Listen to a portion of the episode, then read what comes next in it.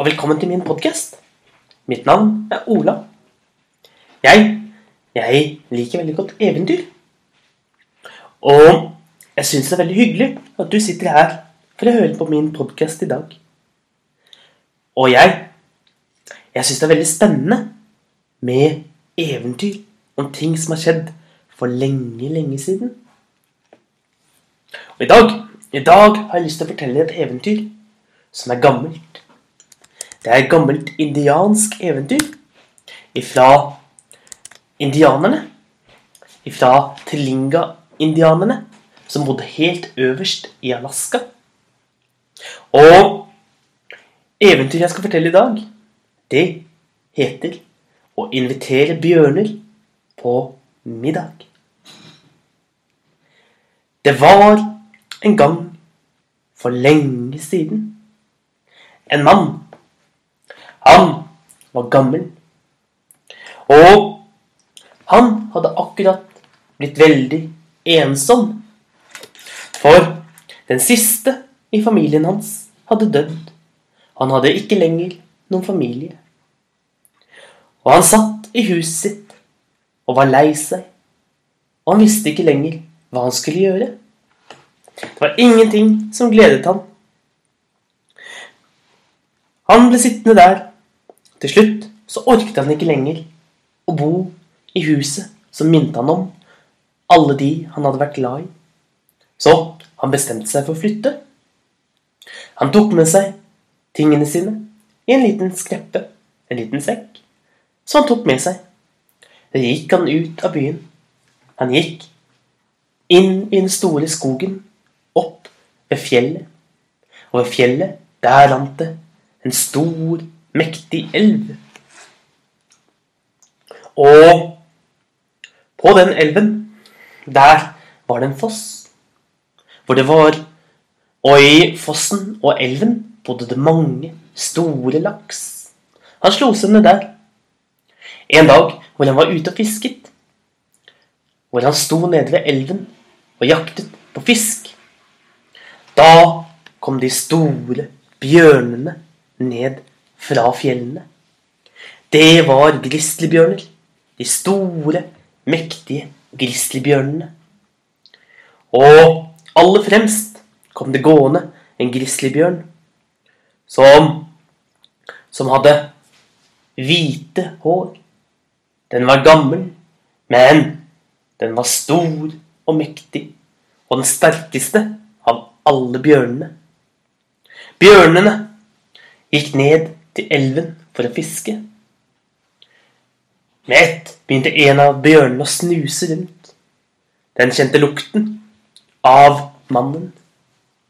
Og bjørnene snudde seg og så på mannen der han sto ved elvebredden. Og bjørnene kastet seg ut i elven. Og aller fremst, der gikk lederen til bjørnene. Den store, hvite bjørnen. Den hvithårede bjørnen ledet an og brølte kommandoer til de andre bjørnene. Og snart satte de opp tempo og løp det forteste de kunne, ut i vannet, over mot der mannen sto. Mannen tenkte hva han skulle gjøre. Han visste at bjørnene løp fortere enn han. Han kunne aldri klare å løpe fra dem. Og han visste at bjørner var flinkere til å klatre, så de ville kunne klatre høyere og fortere enn det han kunne. Og Bjørner er altfor sterke, så han kunne ikke slåss mot dem heller. Det eneste han kunne gjøre, var å stå helt stille. Så ropte han med den høye stemmen sin. Stopp! Jeg er ikke deres fiende. Jeg er ensom, gammel, og jeg er bare meg. Jeg har ikke tenkt til å skade dere. Jeg vil invitere dere på middag. Og den hvithårede ledebjørnen stoppet og brølte til de andre. Og de alle sammen stoppet opp. Så sa mannen, Kom til middag hos meg i morgen, så skal dere få et skikkelig festmåltid. Den hvithårede bjørnen brummet, og de andre bjørnene brummet etter. Før de snudde, forsvant. Og mannen, han pustet lettet ut. Nå måtte han skynde seg og gjøre klart til dagen etter. Først så fant han ny, ren sand til å legge rundt bålplassen sin. Snart så så det, så det ut sånn som han ønsket for festen. Han fant fram ved i skogen, men han fant snart ut at han trengte mer. Derfor tok han turen ned til landsbyen. Når de spurte hva han skulle med veden, så fortalte han at han hadde invitert bjørnene på middag. Da ble folket i byen helt fra seg. Du kan ikke invitere våre fiender. Bjørnene har alltid vært våre fiender. Du kan ikke invitere dem på middag. Det er farlig, og de kommer til å drepe deg, eller spise opp all maten, eller ødelegge alt huset. Men mannen sa at han stolte på bjørnene. Og Og så, når han kom tilbake så tok han av seg av seg T-skjorten som han hadde på seg, og malte røde striper med maling over kroppen. Først så malte han en rød stripe over hver av armene. Så malte han en rød stripe over hjertet. Til slutt så malte han en stripe over brystet. Dagen etter, da kom bjørnene travende ut av skogen. Og når alle i landsbyen fikk øye på bjørnene, da skyndte de seg inn i husene sine og lukket vinduene og dørene. For så redde var de for de store grizzlybjørnene. Men den gamle mannen, han sto utenfor og ønsket dem velkommen. Og siden så ledet han dem inn, inn i huset sitt. Den eh, gamle, hvite bjørnen skulle få lov til å sitte på æresplassen ved enden av bordet. Og de andre bjørnene satte seg rundt. Så, så kom mannen inn med et stor bolle med tranbær, som bjørnene smakte på. Og siden bar han inn ulike letter med bær, med røtter. Og til slutt så bar han inn hovedretten, en stor, mektig laks. Og bjørnene spiste laksen.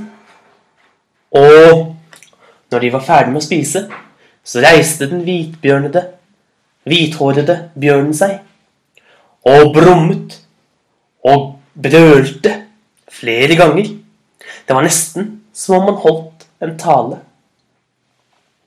Og når han var ferdig å snakke, da snudde alle bjørnene og gikk ut av hytten og forsvant. Og mannen sto igjen. Men dagen etter, da kom den minste bjørnen tilbake igjen i, men, som et menneske. Og den sa Forsto du hva vår leder sa i går? Nei, sa mannen. Da skal jeg fortelle deg hva. Han, han sa at han også er ensom og gammel. Han visste veldig godt hvordan du hadde det. Og han takket for den gode maten. Og jeg Jeg var en gang et menneske. Men jeg gikk meg vill i skogen som et lite barn og ble tatt godt vare på bjørnene. Og siden ble jeg en bjørn som dem.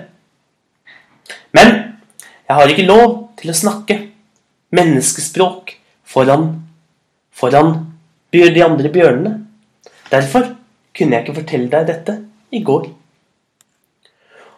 Og fra den dagen så har alltid Tilinga-indianerne, hver gang de skal gå på jakt, tatt og malt en stor, rød stripe over brystet for å vise motet til en bjørn.